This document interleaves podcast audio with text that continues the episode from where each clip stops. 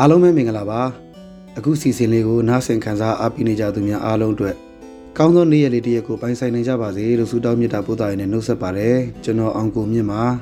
ဒီနေ့စီစဉ်မှာတော့ဘဝတကွေမှသင်ခန်းစာများဆိုတဲ့အကြောင်းအရာလေးကိုဒုတိယပိုင်းအနေနဲ့ဆက်လက်ပြီးတော့မှမျှဝေတင်ဆက်ပေးသွားမှာဖြစ်ပါတယ်အလင်းသိလို့ရှိရင်နောက်လာမယ့်အစီအစဉ်များမှာလည်းဆက်လက်ပြီးတော့မှတုံ့လွင်နိုင်ဖို့အတွက်ကြိုးစားအထောက်နေဦးမှာဖြစ်ပါတယ်ဗျကျွန်တော်တို့လူသားအလုံးဘဝကိုစီကိုစီမှာဘဝဖြတ်သန်းမှုတမိုင်း ရှေးကြလာတာနဲ့အမျှတနည်းအားဖြင့်ပြောရမယ်ဆိုလို့ရှိရင်ကျွန်တော်တို့အသက်တွေကြီးရင်လာတာနဲ့အမျှအတွေ့အကြုံအမျိုးမျိုးကိုကျွန်တော်တို့နေ့ရက်အစဉ်တိုင်းတွေ့ကြုံခံစားကြရမှာဖြစ်ပါတယ်ကျွန်တော်မြန်မာစကားတစ်ခုရှိပါတယ်အသက်တရာမနေရပေမဲ့အမှုတရာပွေးရတယ်ဆိုတဲ့ဆိုရစကားတိုင်းပေါ့နော်တစ်ဖက်ကလည်းပြောမယ်ဆိုရင်တော့ကိစ္စများများလူတို့ပါနဲ့အတွေ့အကြုံတွေကျွန်တော်တို့အများကြီးရကြမှာပါအဲ့ဒီအတွေ့အကြုံတွေကကျွန်တော်တို့တချို့သောအတွေ့အကြုံတွေအတွက်ကိုမလိုလားတာရှိတယ်မကြိုက်နှစ်သက်ဘူးမမျှော်လင့်ဘူးလက်မခံနိုင်ဘူး တချို့ကြတော့ကျွန်တော်တို့ကအဲ့ဒီအတွေ့အကြုံတွေတော့ဝမ်းမြောက်တယ်ကြည်နက်တယ်ဝမ်းသာတယ်ကြိုဆိုတယ်ပေါ့နော်ဘာဖြစ်ဖြစ်ကျွန်တော်တို့လူလားသည်ဖြစ်စေမလူလားသည်ဖြစ်စေအဖြစ်ဖြစ်တွေတော့နေ့စဉ်ကြုံတွေ့ခံစားနေကြရမှာဖြစ်ပါတယ်အဲ့ဒီဖြစ်ဖြစ်တွေတွေကပဲကျွန်တော်တို့ကသင်ခန်းစာတွေကောင်းတဲ့သင်ခန်းစာတွေဆိုးတဲ့သင်ခန်းစာတွေရနေဦးမှာပါပဲအခုစီစဉ်လေးကိုနားဆင်ခံစားအပိနေကြသူများမှလည်းနေ့ရက်အစဉ်တိုင်းဘဝအတွေ့အကြုံတွေအများကြီးရနေမှာပါကျွန်တော်မှလည်းအတွေ့အကြုံတွေအများကြီးရှိပါတယ်ဒီနေ့မှာတော့ကျွန်တော်တွေ့ကြုံခံစားခဲ့ရတဲ့အတွေ့အကြုံတွေတွေကမှ အကြောင်းအရာ၃ခုအဖြစ်အပျက်၃ခုကိုအားလုံးစဉ်းစားဖို့ဆင်ခြင်ဖို့ပြင်ဆင်ဖို့နားလည်နိုင်ဖို့ရည်ရွယ်ပြီးတော့မှမျှဝေပေးချင်တာဖြစ်ပါတယ်။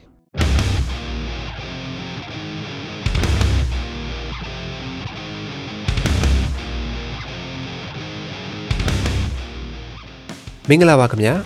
မြန်မာစီနီမာအဘလတီနယ်ဝက်ကထုတ်လွှင့်တဲ့ရီရီမောမောပေါ့ပေါ့ပပအစီအစဉ်ကနေကြိုဆိုလိုက်ပါတယ် ဒီအစီအစဉ်ကမြမလူမှုနယ်ပယ်မှာမတန်ဆွမ်းမှုအသိပညာတွေညှင့်တင်ပေးနိုင်ဖို့မတန်ဆွမ်းအတိုင်းဝန်ကဖြစ်ရက်ဆုံးကဏ္ဍဆုံးကိုမတူညီတဲ့ရှုထောင့်ပေါင်းစုံကနေလွတ်လပ်ပွင့်လင်းတဲ့တွေးခေါ်ဆင်ခြင်နိုင်မှုတွေနဲ့မျှဝေလိုချသူတွေရဲ့အသံတွေကိုပြုစုပြောထောင်ဖော်ထုတ်ပေးနေခြင်းဖြစ်ပါတယ်။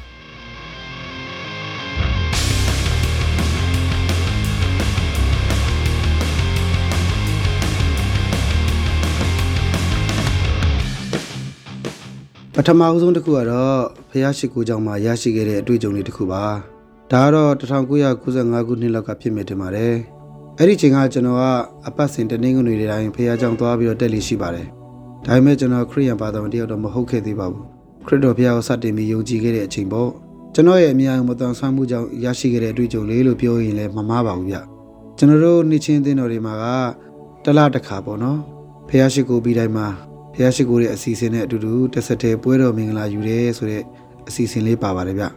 အဲ့ဒီလိုအချိန်မှာတော့ကျွန်တော်ကအခြားသူများနေတူပွဲတော်မင်္ဂလာမယူနိုင်ခဲ့သေးဘူးပေါ့နော်။ဘာကြောင့်လဲဆိုတော့ယင်းနေ့ချင်းမင်္ဂလာခံယူပြီးတော့မှခရိယန်တယောက်မှမဟုတ်သေးတာကိုသို့တော့ကျွန်တော်ဘီနာမှာရှိကြတဲ့ညီကိုမောင်နှမတွေကစပီးနဲ့မုတ်ကိုစားတော့ပြီးတော့ပွဲတော်ယူကြတာပေါ့နော်။ဒီနေရာမှာအလင်းသိလို့ပွဲတော်ယူတယ်ဆိုတဲ့အကြောင်းလေးကိုလည်းနားမလည်သေးတဲ့ညီကိုမောင်နှမများအတွက်နည်းနည်းလေးအသေးစိတ်ပြီးတော့ဝေမျှချင်ပါတယ်။ ပွဲတော်မင်္ဂလာဆိုတာကတော့ခရစ်တော်ဘုရားသခင်ကတပိတာဝါကာတွေနဲ့နောက်ဆုံးသောညစာစားပွဲဆိုတဲ့အစီအစဉ်လေးကိုလုပ်ပါတယ်။အဲ့ဒီအစီအစဉ်လေးကိုပြုလုပ်ပြီးတော့မှတပိတာဝါကာတွေကိုတုံသင်ဆုံးမချက်ရှိပါတယ်။အဲ့ဒီတုံသင်ဆုံးမချက်အတိုင်းကျွန်တော်တို့ကဒီကနေ့ခရစ်တော်ဘုရားကိုအောင်းမေဖို့ကျွန်တော်တို့ပြမကျူးလွန်မိတဲ့လူစရိုက်ဖြစ်တည်ဖြေလွတ်နိုင်ဖို့အချင်းချင်းခွင့်လွတ်နိုင်ဖို့ဆိုတဲ့ရည်ရွယ်ချက်နဲ့တချို့သောအသင်းတော်တွေကအပတ်စဉ်တချို့သောအသင်းတော်တွေကလာစဉ်ပွဲတော်မုတ် စပြည့်ကိုတောက်စားပြီးတော့မှပွဲတော်မင်္ဂလာယူရဲဆိုတဲ့အထိတ်အမှတ်ကလေးကိုကျွန်တော်ကျင်းပတာဖြစ်ပါတယ်။အဲ့ဒီလိုအခြေအနေမျိုးတွေမှာတော့ကျွန်တော်ကသူတို့ပွဲတော်ယူနေတာသိပေမဲ့ပွဲတော်စားတဲ့မုတ်ဘယ်လောက်ကြီးသလဲဘယ်လောက်သေးသလဲဆိုတော့ကျွန်တော်အရင်သိချင်ခဲ့တာပေါ့။ထို့နည်းလိုပဲစပြည့်တောက်တဲ့ခွက်ကလေးကဘယ်လိုပုံစံမျိုးရှိသလဲဘယ်လောက်ကြီးသလဲဘယ်လောက်သေးသလဲဘယ်လိုအနေထားလေးလဲဆိုတော့အရင်သိချင်ခဲ့တယ်။ဒါပေမဲ့ကျွန်တော်မမြင်ရဘူး။သူတို့စားနေတဲ့အတန်ကြားရတဲ့အနက်နေရတယ်ပေါ့ဗျာ။စိတ်ထဲမှာတော့အော်ဘာပဲဖြစ်ဖြစ်အများကြီးမဟုတ်ဘူးဆိုရင်တော့ နည်းနည်းတော့အစာပြေတဲ့အစာဟာရတော့ဖြစ်မယ်ထင်တယ်လို့ကျွန်တော်ကအဲ့လိုပဲမှတ်ယူခဲ့တာပါဒါပေမဲ့တနေ့ကျွန်တော်ကိုယ်တိုင်ပွဲတော့ယူခွင့်ရခဲ့တဲ့နေ့မှာတော့ဖြင့်အမှန်တိုင်းသိခဲ့ရတာပေါ့နော်ဒီဖြစ်စဉ်လေးကိုကြည့်ပြီးတော့ကျွန်တော်ကိုကျွန်တော်ပြန်သုံးသပ်မိပါတယ်ကျွန်တော်ကအမြန်မတန်ဆန်းမှုကြောင့်ပတ်ဝန်းကျင်မှာရှိတဲ့အခြေအနေကိုကောင်းစွာမမြင်နိုင်ခဲ့တာတော့အမှန်တရားတစ်ခုပါပဲဒါပေမဲ့ကျွန်တော်အနေနဲ့ပွဲတော်စားတဲ့မုတ်ကဘယ်လိုပုံစံမျိုးရှိသလဲစပီးအခွက်ကရောဘယ်လိုအနေထားလဲဆိုတာကျွန်တော်မေးလို့ရပါတယ် ဒါပေမဲ့ကျွန်တော်မမေးမိခဲ့ပါဘူးလို့ကျွန်တော်မေးရင်သူတို့ရှင်းပြရင်ကျွန်တော်သိခွင့်ရရှိခဲ့မှာပါဒါပေမဲ့ကျွန်တော်မမေးမိခဲ့တဲ့အတွက်ကြောင့်ကျွန်တော်မသိရှိခဲ့ရဘူးပေါ့နော်ဒါတွေကိုကျွန်တော်သင်ခန်းစာယူပြီးတော့နောက်ပိုင်းမှာလေကျွန်တော်မသိတဲ့အကြောင်းအရာတွေကျွန်တော်ရဲ့အမြင်အရမသာဆန်းမှုကြောင့်ရရှိနိုင်တဲ့ဗဟုသုတတွေမရဘူးနားမလည်ဘူးဆိုရင်ကျွန်တော်ကမေးချင်တဲ့စိတ်အယံပြင်းထန်တယ်တခါတခါကိုယ်နဲ့တူတူပြိုင်မေးတဲ့သူတွေရှိတယ်သို့တော့ကျွန်တော်ကမရဘူးကိုသိချင်တာကိုတခါတခါလူပြီးတော့မေးတဲ့အခြေအနေမျိုးတော့ရောက်တာပေါ့နော်ဟို တကူကောင်းဆန်နေဆိုတဲ့ပုံစံမျိုးလေးတော့ဖြစ်ခဲ့မှုပါတယ်တကယ်တော့ကျွန်တော်သိချင်တဲ့စိတ်တရားအားကြီးတော့မေးခဲ့တာပါအရင်တော့ကမမေးခဲ့တဲ့အတွက်ကြောင့်မသိခဲ့ရတဲ့အဖြစ်အပျက်ကိုသင်ခန်းစာယူပြီးတော့မှဒီနေ့ထိပေါ့နော်မသိတာတွေမမြင်နိုင်တာတွေသဘောပေါက်တာတွေကိုသဘောပေါက်အောင်ရှင်းလင်းအောင်မေးတဲ့အချိန်ကတော့ဒီနေ့ထိပဲလက်ကင်ကျင့်သုံးနေတဲ့အလေးထားတွေတစ်ခုဖြစ်လာပါတယ်ဒါကတော့ကျွန်တော်1995ခုနှစ်လောက်ကဖျားရှိခိုးကြောင့်မှရရှိခဲ့တဲ့သင်ခန်းစာနဲ့ဆင်ခြင်စရာနဲ့အတွေ့အကြုံတွေတစ်ခုဖြစ်ပါတယ်ဗျ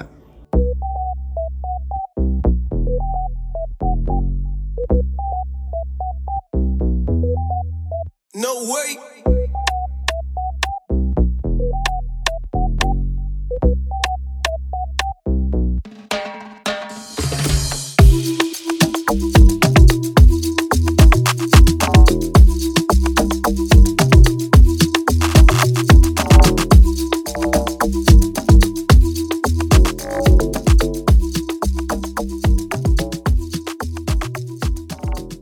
တိယတစ်ခုကတော့ကျွန်တော်မြန်မာနိုင်ငံမတန်ဆွမ်းသူများအသင်းချုပ်မှာဥက္ကဋ္ဌအနေနဲ့တာဝန်ထမ်းဆောင်နေခဲ့စဉ်ကရရှိခဲ့တဲ့အတွေ့အကြုံလေးပါ။တနေ့တော့ကျွန်တော်တို့ရုံးကို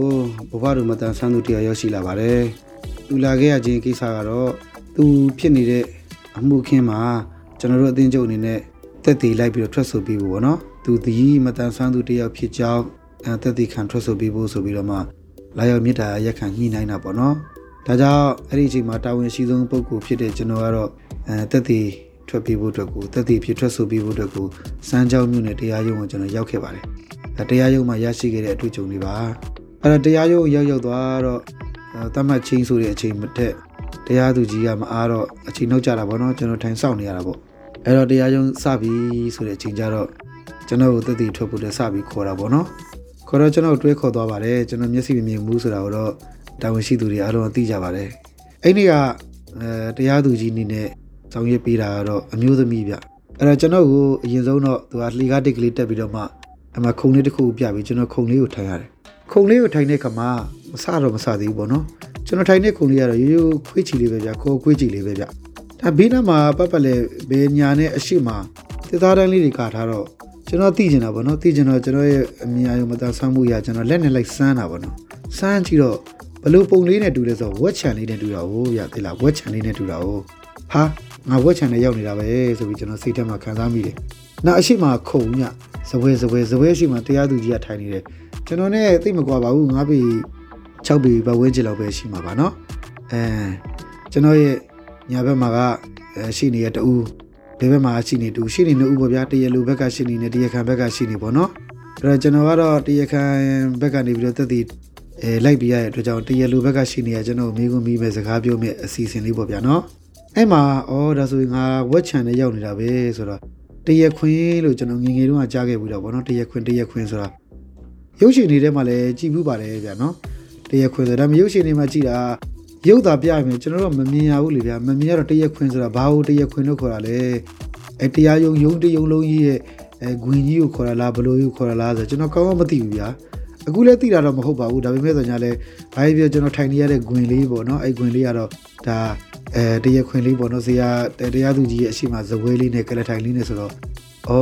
ဒါကိုခေါ်တာပါလားလို့ကျွန်တော်ကအဲ့ဒီတွေ့ကြုံရသွားတာပေါ့နော်တခါမှတော့ဟာ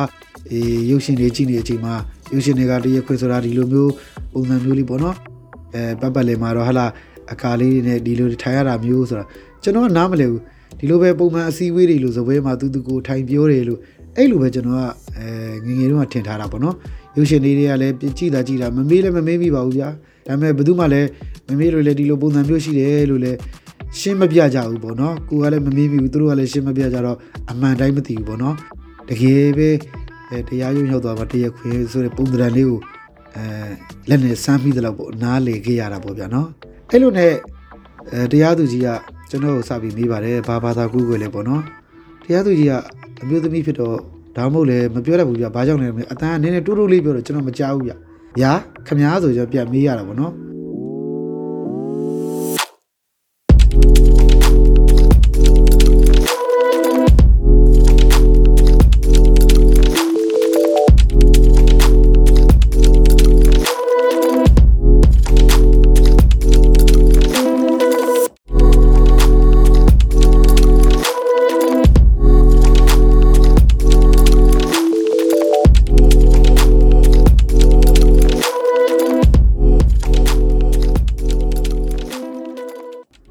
တစ်ဆက်တည်းမှာကျွန်တော်အုံနောက်အသည့်တွေကဘယ်ရောက်သွားလဲဆိုတော့ကျွန်တော်ကြည့်ခဲ့ပြီးရုပ်ရှင်တွေပြန်ရောက်သွားတယ်ဗျာရုပ်ရှင်တွေထဲမှာဆိုတရားသူကြီးတော်တော်များများယောက်ျားတွေဗျာသိလားအမျိုးသားတွေဗျာနော်ကျွန်တော်ကအဲ့ဒီနေ့မှာမှအမျိုးသမီးတရားသူကြီးနဲ့စားပြီးတော့တွေ့ဘူးတာပါဗျာနော်အမြင်မှာတော့ရှိပါတယ်ဗျာကျွန်တော်မတွေ့ဘူးတာကိုပြပြတာပါနော်အဲ့တော့သူကအတန်တိုးတိုးလေးဆိုတော့မကြားဘူးဗျာရုပ်ရှင်တွေထဲမှာဆိုရင်တရားသူကြီးလုပ်တဲ့ယောက်ျားအမျိုးသားသရုပ်ဆောင်တွေကအတန်ချေချေကြီးတွေခန့်ခန့်ညာညာကြီးတွေပြောကြတာလေဒီမှာတော့အတန်လေးကတူတူလေးညင်ညင်တသာလေးဆိုတော့ ဘယ်လို့မှမသိဘူးအော်တော့အဲ့ဒါပြန်ပြီးရဟုတ်တယ်ကျွန်တော်ကတော့ခရီးဘာသာကူးခွေတာပါဆိုပြီးကျွန်တော်အဲ့လိုပြန်ပြီးပြောတော့မှသူကကျန်းစာအုပ်လေးပြီးတယ်ပေါ့ဗျာနော်ကျန်းစာအုပ်လေးကတော့နည်းနည်းတိတိလေးပါပဲဓမ္မတိကျန်းလေးပဲတင်တယ်နော်ကျန်းလေးပဲစူးစီးထားတယ်ကျန်းစာအုပ်တင်ပါတယ်သူကဒါလေးကိုင်းနဲ့ဒါကတဲ့အဲရှင်တို့ကူးခွေတဲ့ခရီးဘာသာရဲ့ကျန်းစာအုပ်ပါတဲ့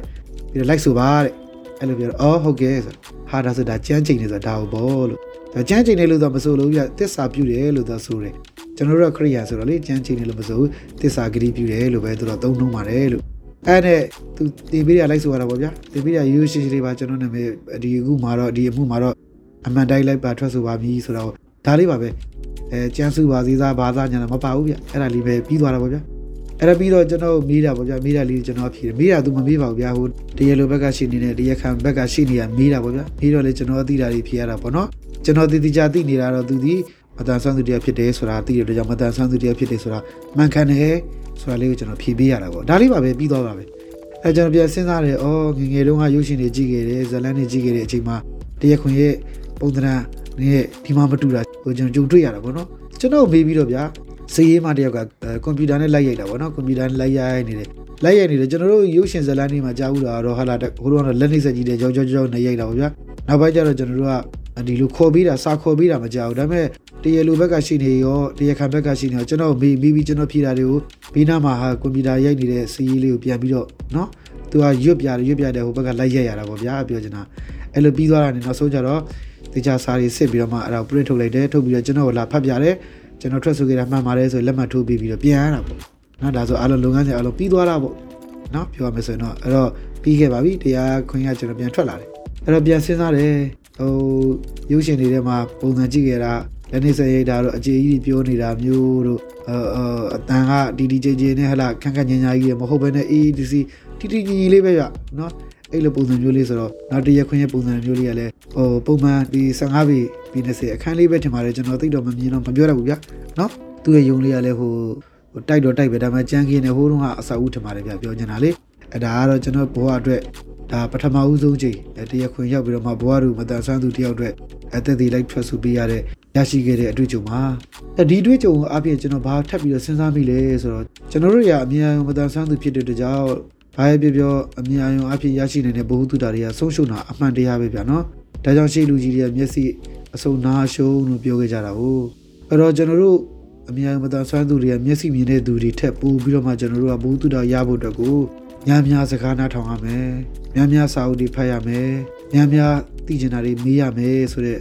အတွေ့အကြုံတွေသင်ခန်းစာတွေကအဲ့ဒီတည်းကကျွန်တော်ထပ်ပြီးတော့ရရှိခဲ့ပါတယ်ဒီနေ့ဒီလည်းကျွန်တော်များများမေးတော့မယ်များများနားထားတော့မယ်များများဆွေးနွေးတော့မှာပဲဆိုတာလေးကိုပြောပြချင်တာပါတနည်းအားဖြင့်ပြောရမယ်ဆိုရင်နည်းနည်းပြောပြီးတော့မှများများနားထောင်တဲ့အလုပ်ကိုအဲ့ဒီကလေးကစပြီးကျွန်တော်လုပ်တက်လာတာဖြစ်ပါတယ်ဗျဒါကတော့ဒီနေ့ဖို့ဒုတိယမြောက်အတွေ့အကြုံလေးကိုမျှဝေပေးတာဖြစ်ပါတယ်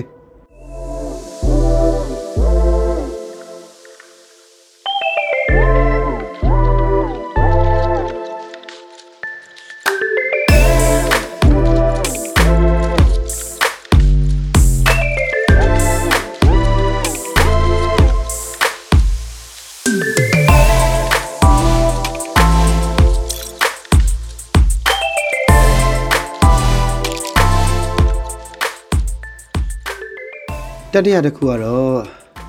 ရုပ်ရှင်ရိုက်ကွင်းလေးကိုကျွန်တော်သွားရောက်လေ့လာခဲ့ရတဲ့အတွေ့အကြုံလေးကိုပြပြချင်ပါတယ်ဒီအတွေ့အကြုံလေးကတော့ကျွန်တော်မြန်မာနိုင်ငံမတန်ဆွမ်းသူများရှိဆောင်ဖွဲ့မှာတာဝန်တန်းဆောင်နေခဲ့စဉ်ကကြုံတွေ့ခဲ့တဲ့အတွေ့အကြုံလေးတစ်ခုဖြစ်ပါတယ်ဗျကျွန်တော်ကဇလန်းနေရေးပါတယ်အသိပညာပေးဇလန်းနေပေါ့နော်ခဏအငားခန်းစားကြည့်ပါဆိုတဲ့ဇလန်းလေးတစ်ပုဒ်ကိုကျွန်တော်ရေးပါတယ်အဲဒီဇလန်းလေးကိုဒါရိုက်တာသမီးမြတ်ကျော်ကရုပ်ရှင်သရုပ်ဆောင်နေတဲ့တူတူကျွန်တော်တို့ရုပ်ရှင်ရိုက်ကူးကြပါတယ် မြန်မာနိုင်ငံမှာသာဆန်းသူများရှိဆောင်ဖွဲ့ရဲ့အစီအစဉ်နဲ့ပေါ့နော်အဲ့တော့ရုပ်ရှင်ရိုက်နေတဲ့အချိန်မှာရိုက်ကွင်းကိုကျွန်တော်ရောက်ခဲ့ပါတယ်အဲ့ဒီနေ့ကသရုပ်ဆောင်ဦးအောင်ခိုင်အပါဝင်ပေါ့နော်သရုပ်ဆောင်တော်တော်များများနဲ့ဆုံတွေ့ခဲ့ရပါတယ်အဲ့ဒီရိုက်ကွင်းရောက်တဲ့ခါမှာကျွန်တော်ဘာတွေ့ရသလဲဆိုတော့ရုပ်ရှင်ရိုက်နေတဲ့ခါမှာအဲ့ဒါကင်မရာနှလုံးနဲ့ရိုက်နေကြတယ်ရှူတော်နှမျိုးနဲ့ရိုက်နေကြတယ်သရုပ်ဆောင်ပေးရတယ်ပေါ့နော်သရုပ်ဆောင်တာတစ်ခါတခါလိုသွားလို့ရှိရင်လည်းပြန်လုပ်ရတယ်တစ်ခါတခါတစ်ယောက်ကမှားရင်လည်း အဲတစ်ယောက်ကမမှားပဲနဲ့ပြန်လုပ်ရတဲ့အခြေအနေမျိုးတွေဖြစ်တတ်တယ်နော်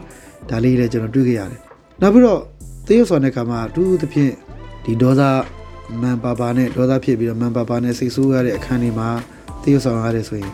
တကယ်ပဲသရုပ်ဆောင်တဲ့သူတွေအင်မတန်မှမောပန်းတာကိုကျွန်တော်တွေ့ခဲ့ရတယ်အဲ့ဒီနေ့ရမမရဥအောင်ခိုင်ကအဲသူ့သားအကြီးကိုဒေါသဖြစ်တာပါဗျာသူ့သားငယ်လေးပေါ်မှာဂီးမဆိုင်လို့ဆိုပြီးတော့သူကစိတ်ဆိုးနေတဲ့အခန်းကိုသူရိုက်ရတယ်အဲ့တော့သူဒေါသဖြစ်ဖြစ်နဲ့အော်ဟစ်ပြီးတော့ အားလုံးကရိုက်ပြီးတာရိုက်လို့ပြီးသွားပြီကပ်လို့ပြောပြီးတဲ့အချိန်မှာပဲသူ့မှာအဲ့ဒါအမောဖြစ်ရတာတခါတည်းနဲ့ပင်မနေတော့သူခင်ဗျအမောဖြစ်နေရတာအတန်ထွက်ပြီးတော့မှတခါတည်းတက်ပြေးနေချပြီးတော့မှအမောဖြစ်နေရတော့တွေ့တဲ့အခါမှာအော်ထင်သလောက်မလွယ်ပါလားဆိုတာအာကျွန်တော်နားလေခဲ့ရတယ်တနည်းအားဖြင့်ကျွန်တော်နားလေထားတဲ့အမှုပညာဖန်တီးမှုတစ်ခုဟာထင်သလောက်မလွယ်ဘူးဆိုတာကိုကျွန်တော်ခန်းစားနားလေခဲ့ပြီးတယ်ပေါ့နော်ကျွန်တော်တော့ဇလန်းတွေအများကြီးရေးတာပါတော့ပါတော့ဇလန်းတွေရေးခဲ့ပါတယ်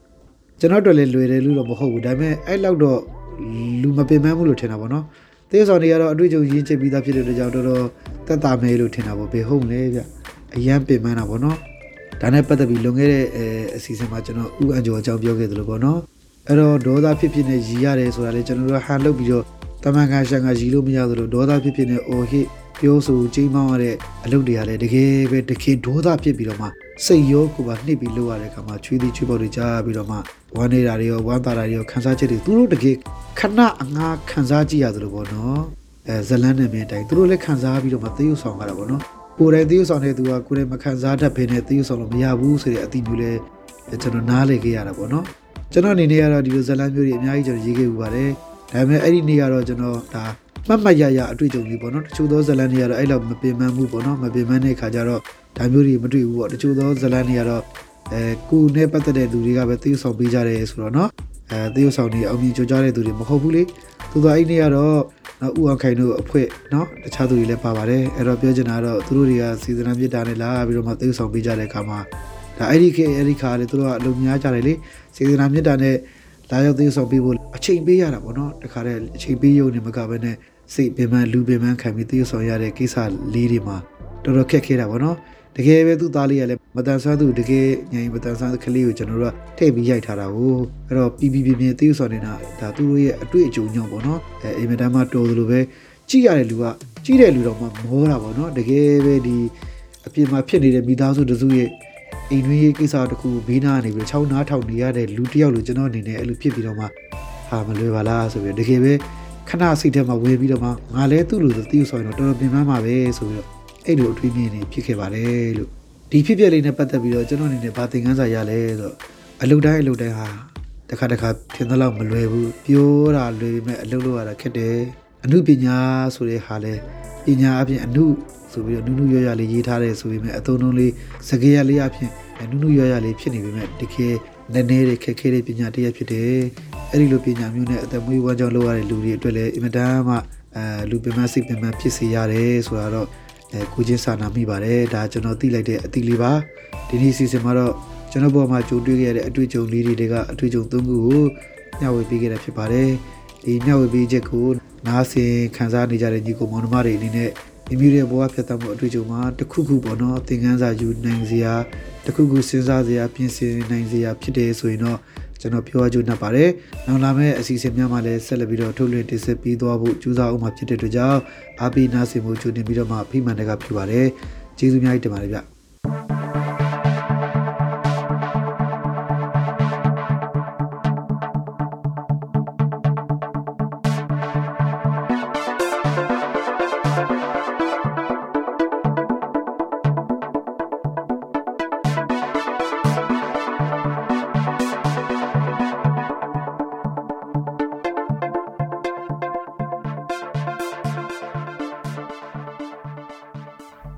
စီအစဉ်ကိုမိတ်ဆွေတို့အနေနဲ့အစအဆုံးနားထောင်ပြီးပြီဆိုရင်တော့မိမိတို့ရဲ့သဘောထားမှတ်ချက်များကိုပေးနိုင်ပါပြီနော်ဒီအစီအစဉ်နဲ့ပတ်သက်ပြီးမိတ်ဆွေတို့ရဲ့မှတ်ချက်ပေးခြင်းအကြံဉာဏ်ပေးခြင်းမေးမြန်းခြင်းတို့ကိုလည်းအထူးပဲဖိတ်ခေါ်ပါရစေမိမိတို့ရဲ့ပူပေါင်းတင်ဆက်မှုအတွက်ဒါမှမဟုတ်စုံစမ်းမေးမြန်းမှုအတွက်စိတ်ဝင်စားတဲ့ဆိုရင်တော့ myanmarcinemaability@gmail.com ဒါမှမဟုတ်တင်ဆက်သူများရဲ့ Viber နံပါတ်များဖြစ်တဲ့ကိုပြည့် 39 26 125 6493နဲ့မနွေ39 453939 6ခွန်35တို့ကိုဆက်သွယ်ဆောင်ရွက်နိုင်ပါတယ်။မိတ်ဆွေတို့အနေနဲ့ဒီစီစဉ်ကိုမတိသေးသူများသိဖို့လိုအပ်နေသူများမတန်ဆွမ်းအရေးကိုမိမိတို့ရဲ့လုပ်ငန်းခွင်အသီးသီးမှာထည့်သွင်းဆောင်ရွက်ဖို့စိတ်ဝင်စားသူမြည်သူကိုမဆိုထပ်ဆင့်ဝေမျှပေးရင်သတင်းကောင်းပေးနိုင်ပါတယ်။မြန်မာပြည်သူပြည်သားများအားလုံးမတန်ဆွမ်းမှုအသိပညာတွေတိုးပွားက ခွဲခြားဆက်ဆံမှုကင်းပြီးအားလုံးအကျုံးဝင်တဲ့လူမှုအတိုင်းအဝန်တစ်ခုကိုအမြန်ဆုံးဖော်ဆောင်နိုင်ပါစေလို့ဆန္ဒပြုရင်းဒီကနေ့အစီအစဉ်ကိုဒီမှာရန်နာပါရစေ။တောတာရှင်အားလုံးနေ့ရက်အသက်တိုင်းမှာကောင်းစည်းမင်္ဂလာပေါင်းများစွာရယူပိုင်ဆိုင်နိုင်ပါစေလို့လည်းကျွန်မကဆုတောင်းမြတ်တာပို့တာအပ်ပါတယ်နောက်ပတ်စနေနေ့ည9:00နာရီမှာပြန်ဆောင်ကြရအောင်နော်